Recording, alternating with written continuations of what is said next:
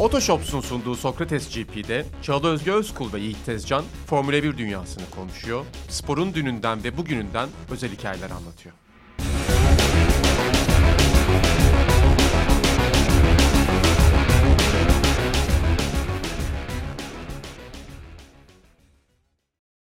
Herkese merhaba. Sokrates GP'ye hoş geldiniz. Yeni bölümde sizinle beraberiz. Yiğit Tezcan'la birlikte ve aynı zamanda Sencer de yine bizimle. Kaydı zaten üçümüz gerçekleştiriyoruz her zaman. Merhaba, hoş geldiniz. Hoş bulduk. Otoshops'la beraber yine Sokrates GP'ye devam ediyoruz. Hemen onlardan da bahsedelim. Tekrar size de hatırlatmış olalım. Kuşkusuz ki şu günlerde ikinci el araç alım satımına ihtiyacınız olacaktır. Olduğu takdirde sizleri Otoshops'a bekliyoruz. Sunduğu hizmetlerle beraber sektörde de öncü konumda aynı zamanda Otoshops. ikinci el araç alım satımı ihtiyacınızda Otoshops'u değerlendirin. Biz de sezona onlarla birlikte devam edeceğiz. Destekçimiz Otoshops'ta. Yiğit selamlar nasılsın? İyiyim sen nasılsın? Ben de iyiyim. Çok sık görüşüyoruz bu ara. Nasıl gidiyor? Şikayetçi misin? Yok değilim canım. Gayet memnunum yani. Boş zamanlarda da seni kitleyip buluşmak için taleplerde bulunuyorum. Biraz Formula 1 çalışmaya evet. çalışıyorum. Nasıl geçiyor? Yarışsız bir hafta sonunu geride bıraktık ama Yine bir yarış haftasının içindeyiz. E, aslında yine biraz geç kaydediyoruz. Bir ufak Covid sarkıntısı Şüphesi, yaşadık. Evet.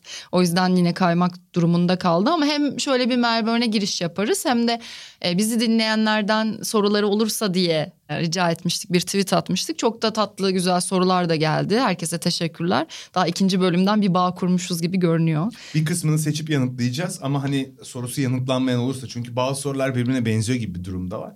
Önümüzdeki haftalarda da başka soruları yanıtlayacağımızı programa bağlı olarak bizim söyleyelim. Tabii tabii ara ara zaten böyle soru alırız. Güzel de oldu benim de hoşuma da gitti.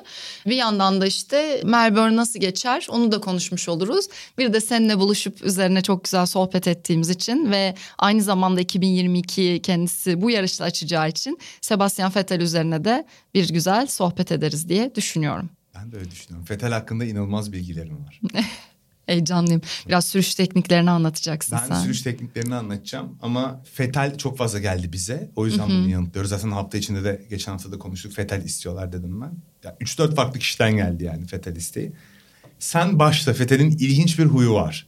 Ve bununla ilgili Direkt onunla mı başlıyoruz şu anda? Onunla başlayalım. Kariyeri hakkında bize genel bir bilgi ver. Çok ilginç bir huyu var. Aslında oradan ben onu teknik olarak sürüş stiline ve Fethel'in nasıl bir pilot olduğuna bağlayacağım. Çünkü son yıllardaki Fethel aslında bizim bildiğimiz Fethel tam olarak değil. Kazanmaktan ödün vermiş ve fazla iyi olmuş bir adam diyebiliriz. Sen başla.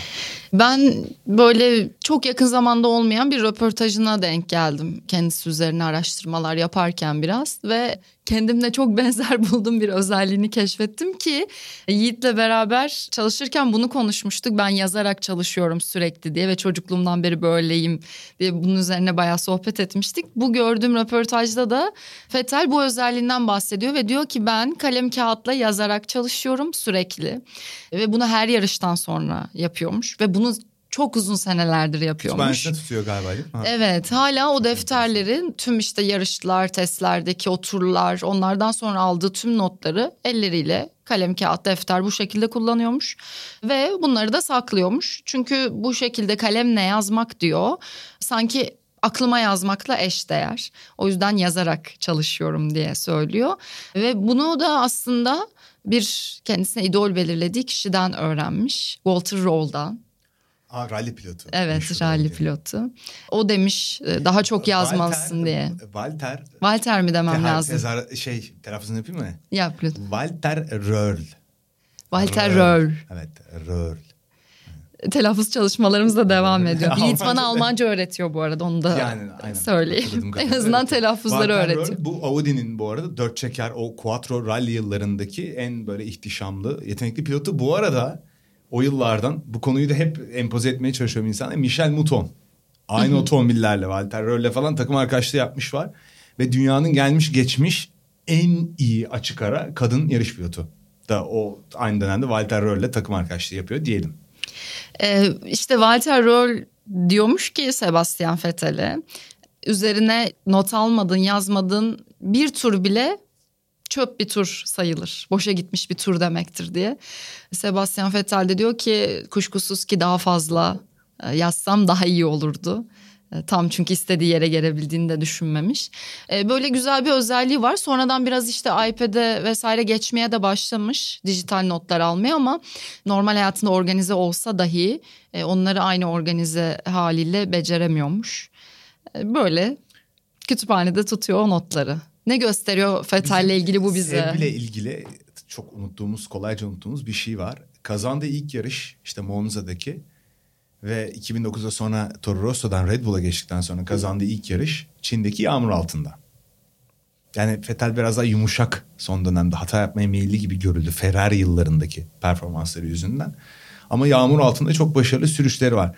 Biz bugün Hamilton veya Alonso işte Verstappen falan dediğimizde bir zamanlar Vettel'i de öyle görüyorduk. Onu bir kesinlikle söylemekte fayda var. Vettel'le ilgili şöyle bir analiz var.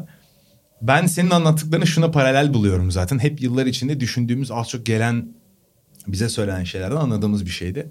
Daha metodik bir sürücü.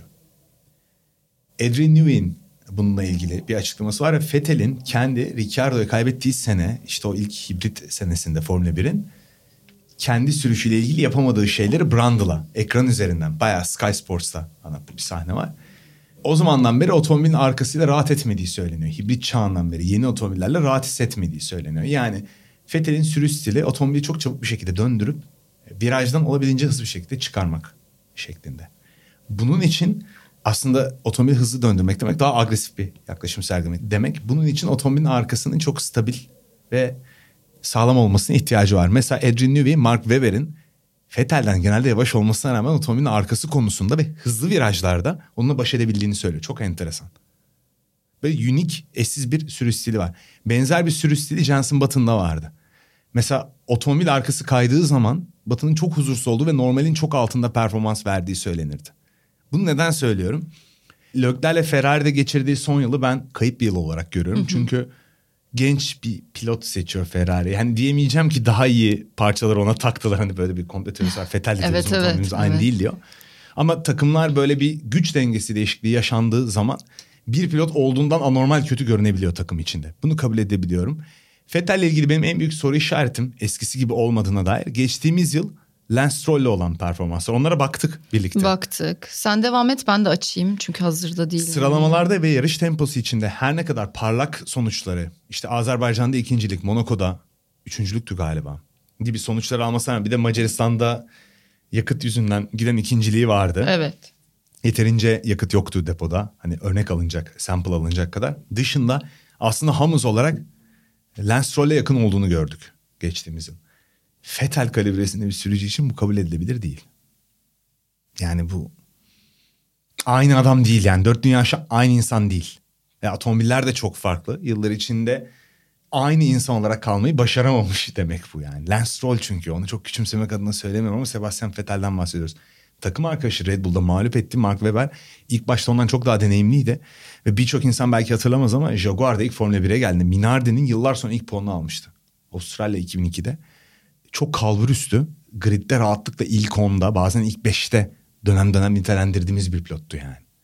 Hani iyi bir pilotu da mağlup etti orada takım arkadaşı olarak. O yüzden şu anki Fetel hükmü yok mu derler hükümsüzdür. Yani şu anki Fetel o Fetel değil.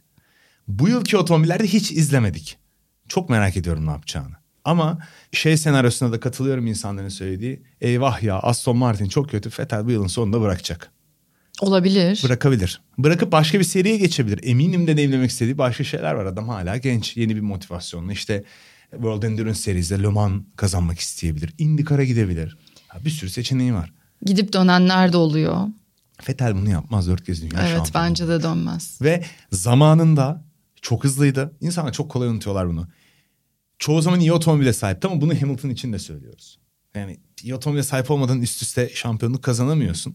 Ve çok hırçın bir karakter. O yüzden de aslında yani takımların şampiyonluğunun pilotların şampiyonluğuyla paralel gitmesi de bunu açıklar zaten. Yani elbette öyle ender, oluyor. Az oluyor. Evet az bazen değişiyor. Geçtiğimiz yıl. Yıl oldu. gibi. Ama yine başa baş gidiyor aslında birçok yer. Aynen öyle ve Fethel'in şöyle bir durumu var. Mark Webber'le yarıştığı yıllarda çok agresif hareket multi 21 hikayesi var. Anlaşıyorlar. Yarış başladıktan sonra pozisyonlarını koruyacaklar. Fetal Weber'i geçiyor. Mücadeleye giriyor. Halbuki yarış öyle bitirse 1-2 bitirecekler zaten. Arkayla fark açmışlar. Weber çok sinirleniyor. Bu da çok küçümsenecek bir olay değil. Geçmişte Gilles Villeneuve ile Didier Pironi arasında bu olay yaşanıyor Imola'da. Ve bunun çok trajik bir sonucu var Çağıl biliyor musun? Bir sonraki yarış Didier Pironi'ye küs Villeneuve. Zolder'de antrenmanda daha hızlı bir tur atacağım diye Villeneuve ölüyor. Şimdi Bu kadar dramatik bir şey var bunun yani. Başka bir röportajına bakarken de işte yaptığın en Çok utanç verici. Artık araya girdi kıyamam. hayır hayır tam söylediğin şeyi kendisi cevaplamıştı o yüzden e, araya girmek Okey. istedim. Yaptığın en utanç verici hata ne diye soruyorlar. E, Fuji 2007 diyor. Fetal işte future teammate Mark Webber'e çarptığı zaman hayatındaki en utanç verici İlk şeyi oluyor. Evet. Evet Fuji 2007'yi söylemiş. İki pilot da yarış dışı kalıyorlar. Bir de Lewis Hamilton'a 2017'deki olayların altını çiziyor. Orada da e, sinirlendikten sonra gidip onun aracına çarpmıştım diyor. Bunları böyle utanç verici hataları olarak hatırlatıyor kendisine de. Bir de hoşuma giden bir soru daha var. Bence güzel bir sohbet açılabilir buradan. Üç kişiyi yani hayatta olan ya da hayatını kaybetmiş üç kişiyle yemeğe çıkacak olsan kimi seçerdin diye sormuşlar. 1'den mi? Yok genel bir soru. Söyleyeyim mi kimleri seçtiğini? Senin cevabın var galiba. bu. kimi seçerdin? var. Bir dakika soru. Soru Fetel'e soruluyor. Aha. İşte hayatta olan ya da hayatını kaybetmiş üç kişiyle yemeğe çıkacaksın. Kimleri seçerdin diye tarihten. Romantik interest olabilir mi? Hani hoşlandığın birisi mi? Yani gidip tarihte ben sana dünyaları sunmuşum yaşayan ya da ölü. Romantik Marilyn seçeceksen sen bilirsin. yani? Yok ona Zaten harcamazdım. benzer başka bir isim Harcamazdım. söylemiş Sebastian Vettel. ben senin üçüyü merak ediyorum. Hangi üç kişiyi seçerdin? E, Muhammed Bu Ali. arada Mehmet Demirkol'un Sokrates'in işte Galaksi Rehberi programında sorduğu sorulardan biri beş kişi Bir soru seçtiriyor. geldi. Şu an içten bir şekilde yakaladınız beni cidden. Harbi hazırlıksız yakalandım yani. Muhammed Ali. Çok iyi. Ben bunu hayatta cevaplayamam sakın bana sormayın. Üç gün düşünmem lazım. Başla sen. Muhammed Ali. Neden olduğunu açıklayarak diğerlerini düşüneyim. İdolüm yani. Karakter olarak da iyi anlaşabileceğimi düşünüyorum. Bende öyle bir kanım vardır hep. İnsanlara bakıp ekrandan kiminle arkadaş olabileceğime kanaat getiriyorum. Yani hani hiç test etmedim de anlıyor musun? Muhammed Ali'yi görsem arkadaş Ya olayım. tabii ki canım. Sevdiğin insanlar oluyor. Birincisi Muhammed Ali. İkincisi Formula 1'den olsa Ha, bir tane öyle seç. ben 60'ların 70'lerin kadar James Hunt olurdu biri. Bitti çapkınlık yapardık. yani. Lütfen. Ve üçüncü de yine 60'lardan kayıp bir kahraman söyleyeceğim. Ölmüş birini söyleyebilirim. Jim Clark olabilirdi. Jim Clark inanılmaz hızlı bir herif ve bugün çok fanı vardır. Ölmüş kayıp adamlar için iki dünya şampiyonu var daha fazla olabilir diye konuşulur ve Fangio'dan sonra dönemini şey yapmış, hükmetmiş bir beyefendidir kendisi. İngiliz beyefendisi. Üçte Jim Clark Enteresan olur. bir masa yaptın. Jim Clark olur. Masa üçüyle birlikte mi gidiyoruz Evet size? evet akşam yemeğine çıkıyorsunuz. Enteresan Biraz masa. tarihe dair sohbet. Enteresan bir masa evet. Senin ne? Sebastian Vettel'inkini söyleyeyim ben. Ee, cevabı Enzo Ferrari, Audrey Hepburn ve Albert Einstein'ı seçmiş. Ve sonra demiş Audrey ki... Hepburn'u mu seçmiştin? Evet. Aa güzel seçim. Ben oradan seçsem Natalie Wood seçerdim. Net. Sencer sen? Üç gün düşünmem lazım. Evet. Seçenek fazlalığından. Sencer ve ben bu soruyu bir sonraki bölümde Hayır yanıtlayacağız. sen yanıtla Hayır ben hayatta Bir tane yanıtlayamam bunu. Bir tane.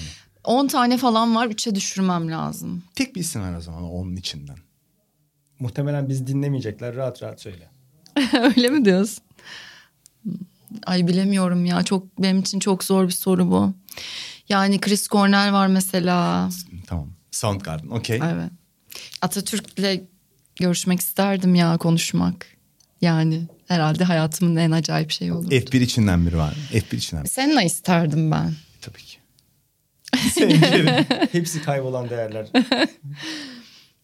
Tamam o zaman. Herkes ölmüş. Ama yani. nasıl güzel soru ve güzel cevap değil mi Güzel, Fetel için? Tabii tabii bir iç dünya sorusu adeta. Yani verdiğin yanıtlardaki insanlardan birisi intihar etmiş, biri pistte ölmüş falan. Neyse devam. Notlardan bahsettik. Teknolojiyle problemleri kendisine sorulmuş. O da diyor ki hani hiçbir zaman yakın olmadığım için sosyal medyayı yokluğunu da hiç hissetmiyor ve özlemiyorum. De hala mesafeli duruşu devam ediyor bu konuda. Böyle notlarım var. Bir de tabii aslında bir sürücü olmasından ziyade aktivist kimliğiyle de şu sıralarda özellikle son yıllarda çok ön planda olduğu için e, biraz o yüzden de insanlar konuşmamızı istiyor. Mesela Silverstone sonrası çöpleri toplamıştı hatırlarsın geçen sezon. Bir ekip kurmuştu ve tribünlerdeki çöpleri toplamıştı. Böyle bir duruş göstermişti. İtalya öncesi İzlanda'ya gidip karbondioksitle ilgili çalışan bir yeri ziyaret etmişti. İşte Macaristan'da tam da o kanun tasarısının referandum açıldığı dönemde gökkuşağı renklerinden oluşan bir tişört giymişti ve hatta F1'den uyarı da aldı ama devam etti yine. Milli Marş seremonisinde Macaristan'da bunu yapması bence harika bir şey. En öne çıkan eylemlerinden biri olarak görüyorum bunu. Seb'le ilgili benim kişiliğiyle ilgili naçizane hoşuma giden şey şu. Her zaman bir şeyleri hafife alan, gülmeye çalışan bir tavrı vardı. Benim gözümde en azından subjektif bir yorum. Öyle insanlar gerçekten iyi insanlar çıkıyor iş dünyalarından. Hani evrildiği bir nokta bu. Tabii ki hırçınlaştı. Bütün dünya şampiyonlarının çok iblis karakterler gösterdiği durumlar var ama 2008'deki ilk galibiyetinde Monza'da muhabire şey diyor. Muhabir gelip şey diyor buna. İşte hayatın en iyi anı bu olsa gerek Seb diyor. Bu da diyor ki yani ilk defa biriyle birlikte olduğum anda orada değildin herhalde gibi bir şey söyle. Hep böyleydi yani. En başından sonuna kadar böyle bir yaklaşımı vardı. Bence herhalde birden fazla dünya şampiyonu olmuş. Üçten fazla dünya şampiyonu olmuş en iyi karakter, en anlaşılabilir, en yumuşak karakter Seb olabilir. Düşün şimdi. Fangio çok tatlı adamdı. Onu geçiyorum çok eski diye. Ayrton Senna çıldırmış yani. Hayatımda gördüğüm en yoğun, en böyle kazanmaya odaklı karakter. Alan Prost da öyle. Birlikte birbirlerine yaptıkları malum. Schumi'nin yine kazanma uğruna yaptığı şeyler hep tartışılan hareketleri malum.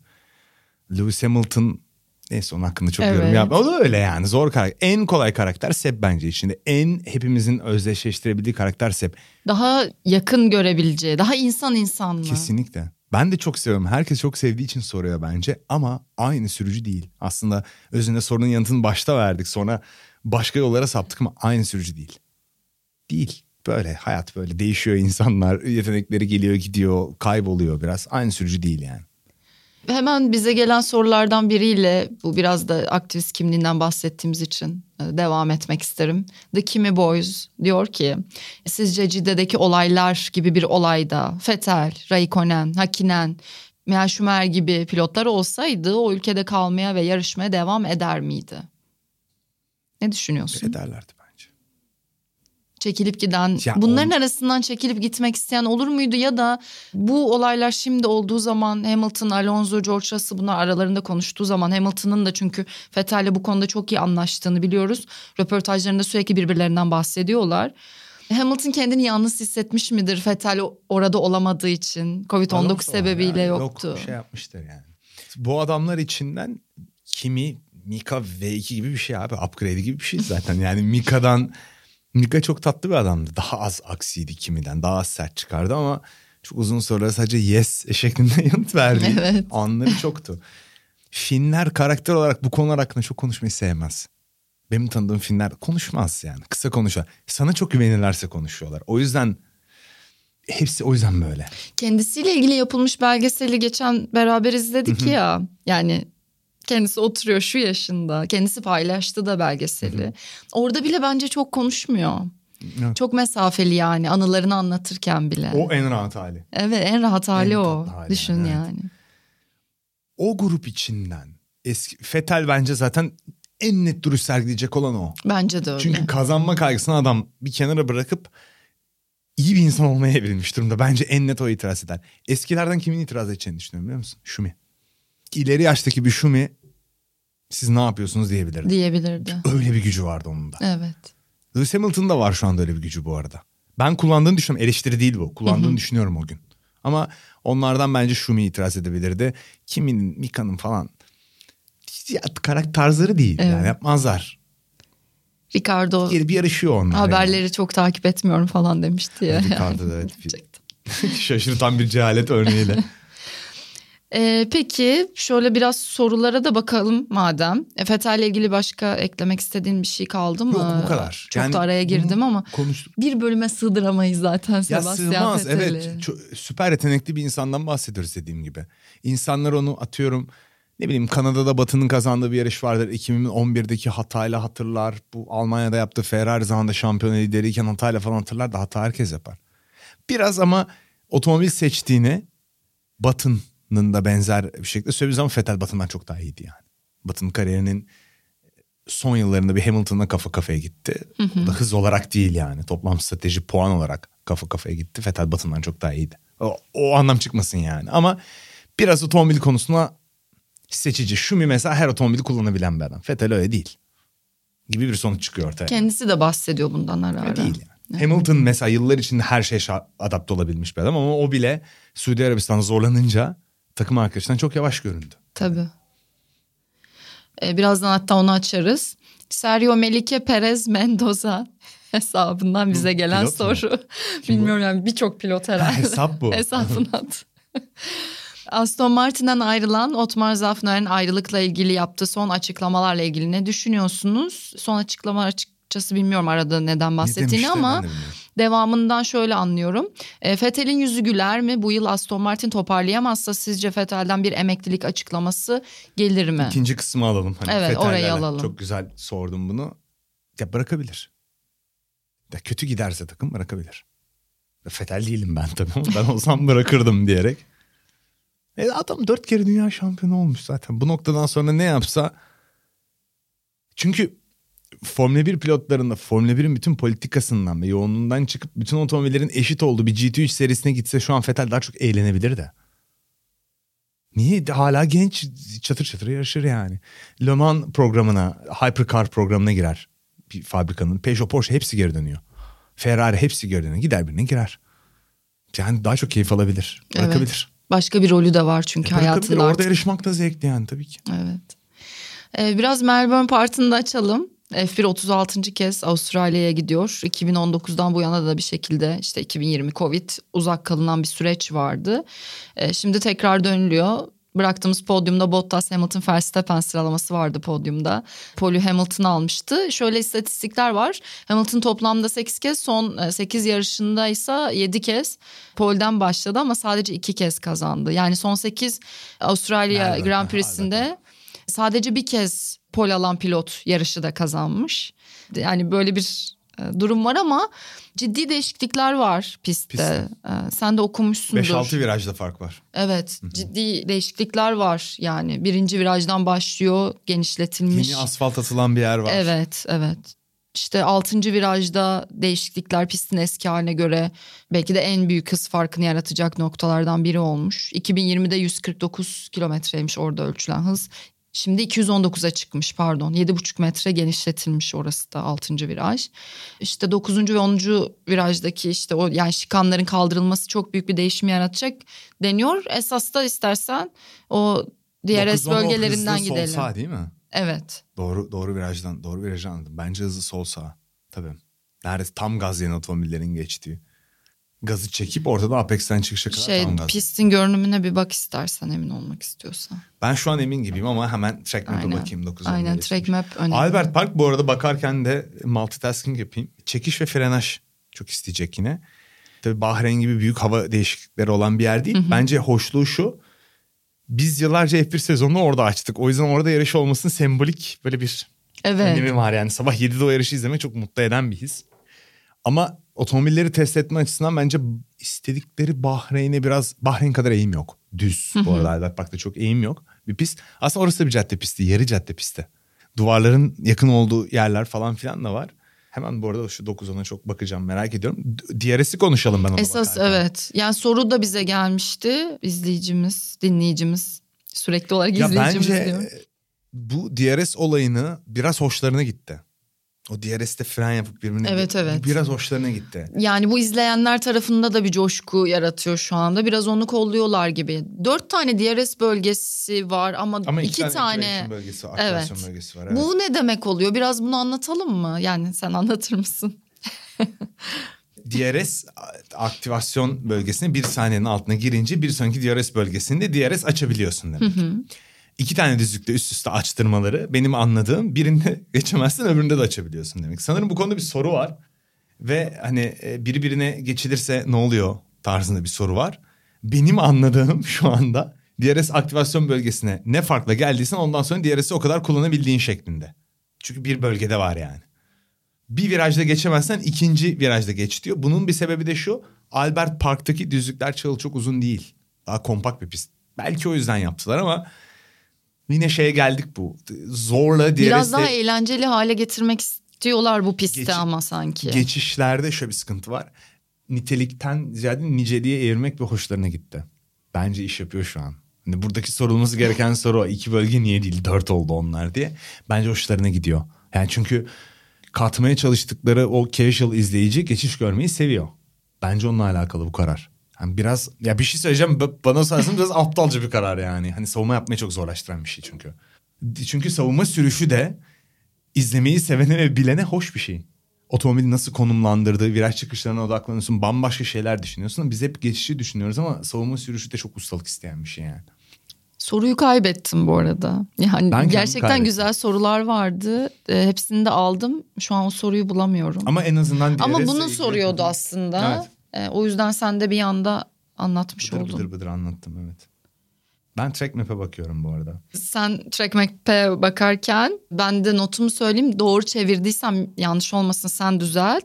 Yeni pistteki 9 ve 10 numaralı virajlar eski pistin 11 ve 12 numaralı virajları olmuş. 11-12 benim dediğim virajdı. Yani yeni pistte 9-10 olmuş. Doğru şey söylemişim. Ha tamam. Yani 8 ve 9. virajlar arasındaki 9-10. tek bir düzlük gibi olmuş. 9-10. Oradaki şikanları kaldırınca aslında orası tek bir düzlük gibi Tam olmuş. gaz 8'den 11'e bağlanacaklar. Ah, evet, bravo, aynen anlaştık. öyle. Güzelim 9-10 virajın adı da Clark virajıymış bu arada. Muhtemelen Jim Clark'a beyefendi kahramanıma yapılan bir gönderme ayıp olmuş o. Teknik bir virajdır bu arada. Orayı daha düz, düz düzlük mücadelesi yaratmak bence amaçları diye düşünüyorum ben.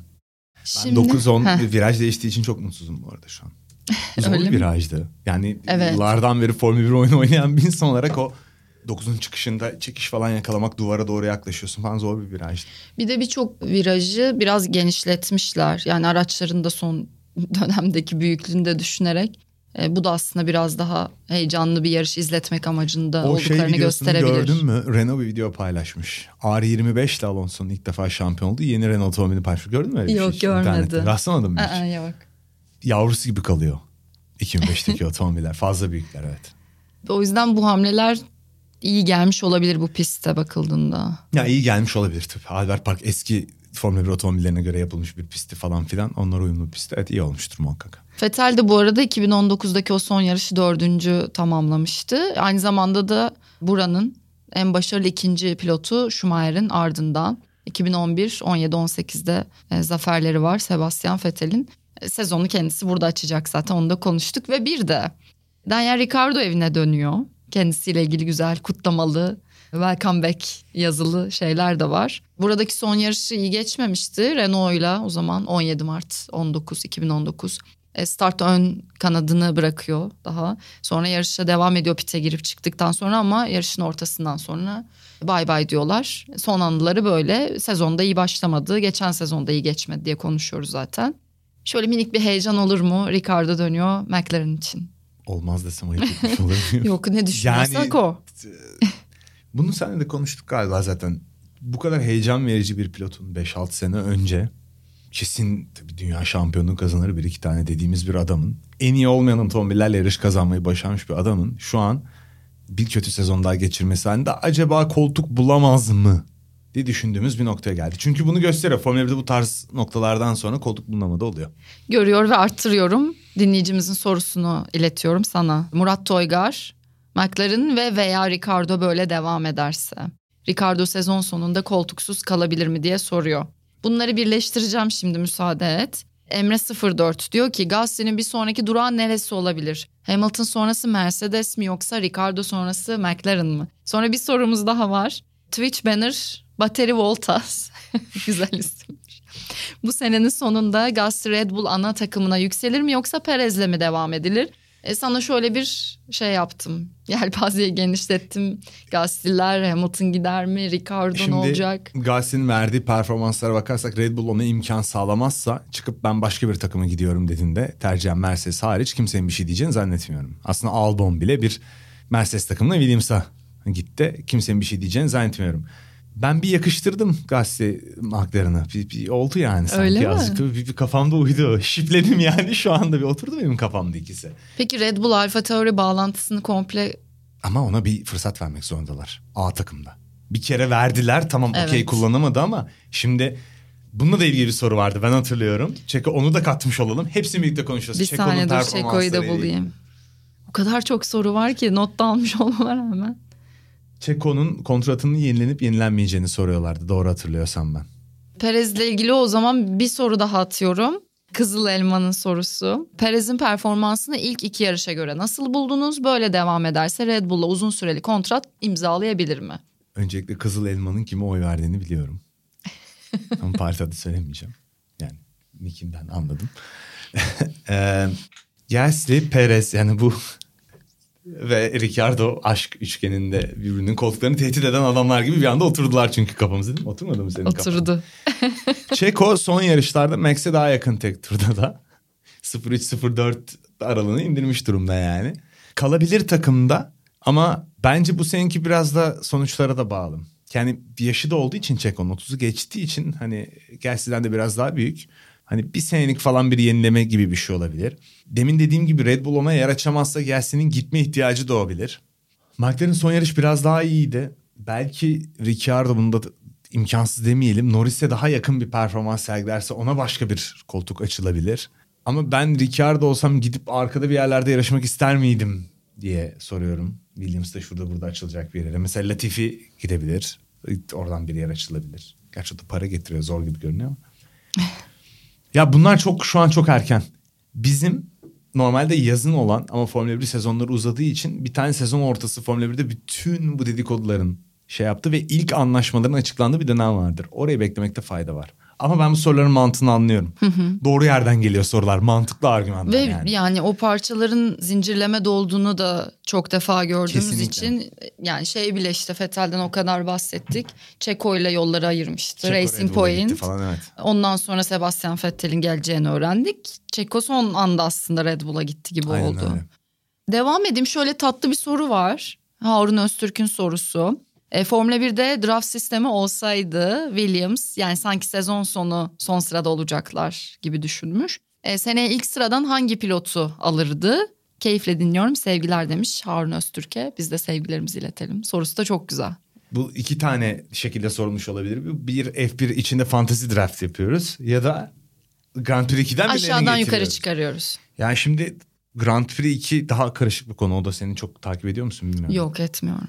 F1'den fantezi draft yapılacaksa ve her yıl pilotlar karma bir şekilde takımlara gidecekse Williams kimi seçerdi?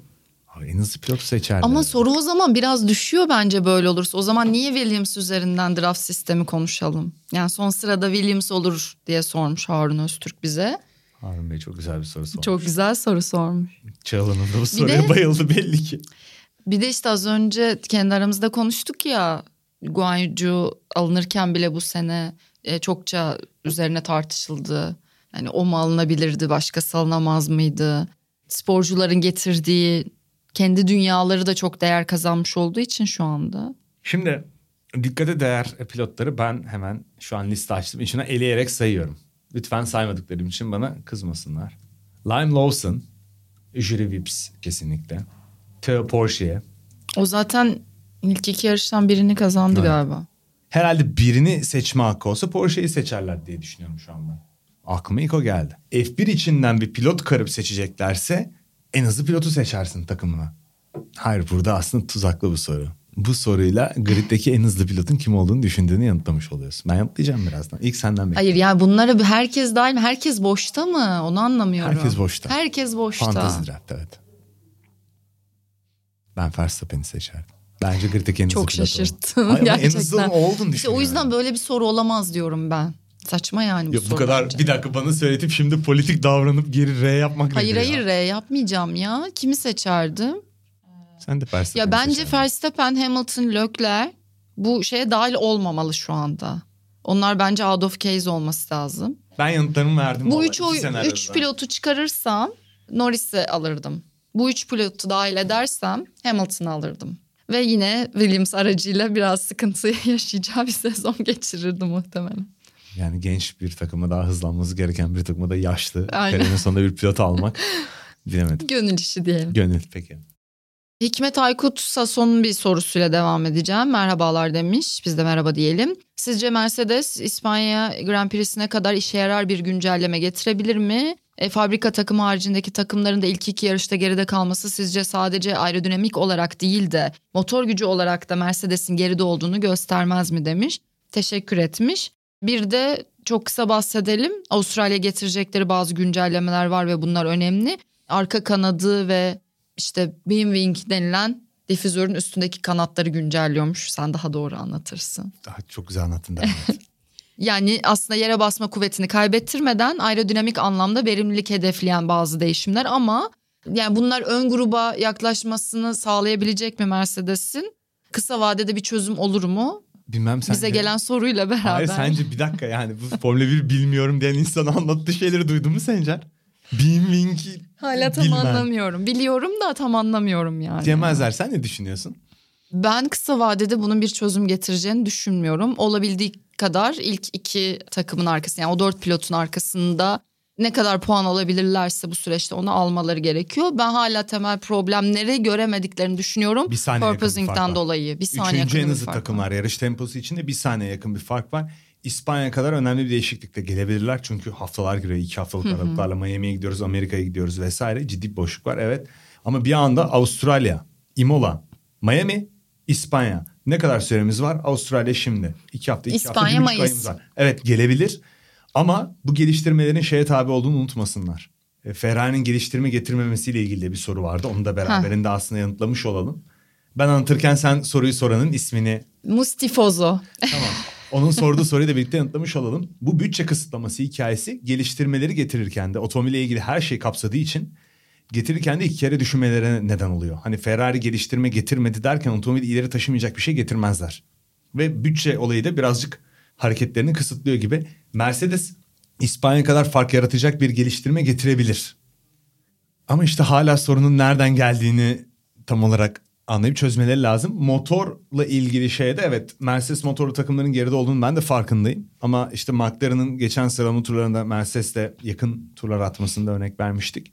Bence aerodinamik problemleri daha büyük. Yani kendi geri bildirim anlattıkları şey. Bir yerde yükseklik ayarı tam yapılamayan sürekli dalgalanma yaşadığı için bir otomobil var. Öbürüne canlı yayına pilotu bağlanıp aerodinamik fakiri diyor otomobiline. Yani motordan önce bence bu otomobillerin çünkü Mercedes motoru kullanan en güçlü takımların kim olması bekleniyordu bu sezon? Mercedes'in McLaren değil mi? Evet. İkisinin de otomobilleri çok problemli. Onu da Genel bir lazım. Mercedes problemi Evet. var gibi görünüyor. Dolayısıyla motorda da bir sorunlar ortaya çıkacak. Ya öyle gibi görünüyor ama biraz daha dediğim gibi bu otomobillerin kendi yapısal problemleri de çok büyük yani.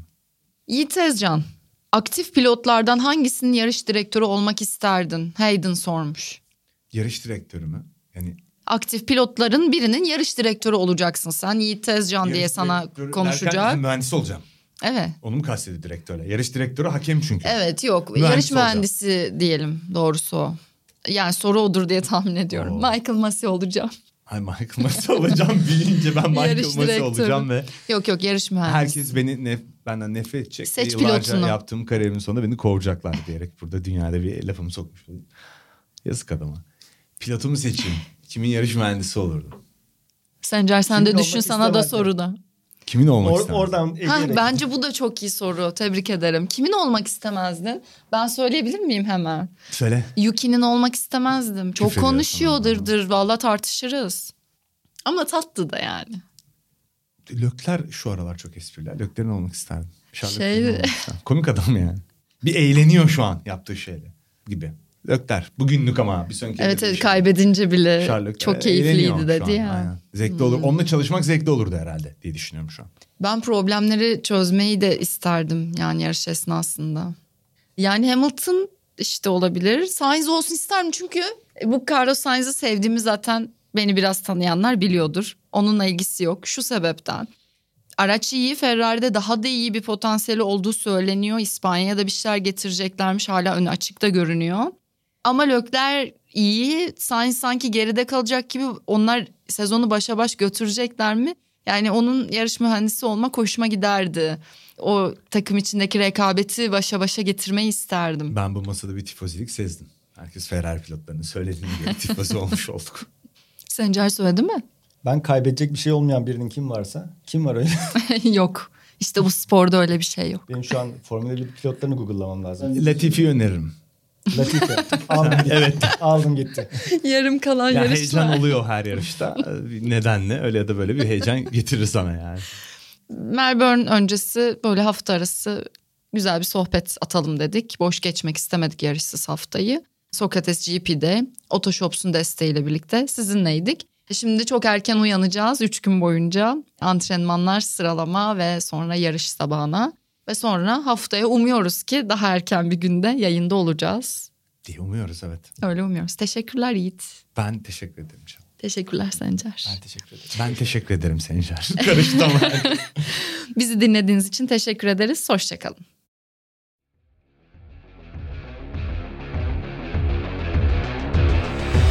Photoshops Sokrates GP'yi sundu.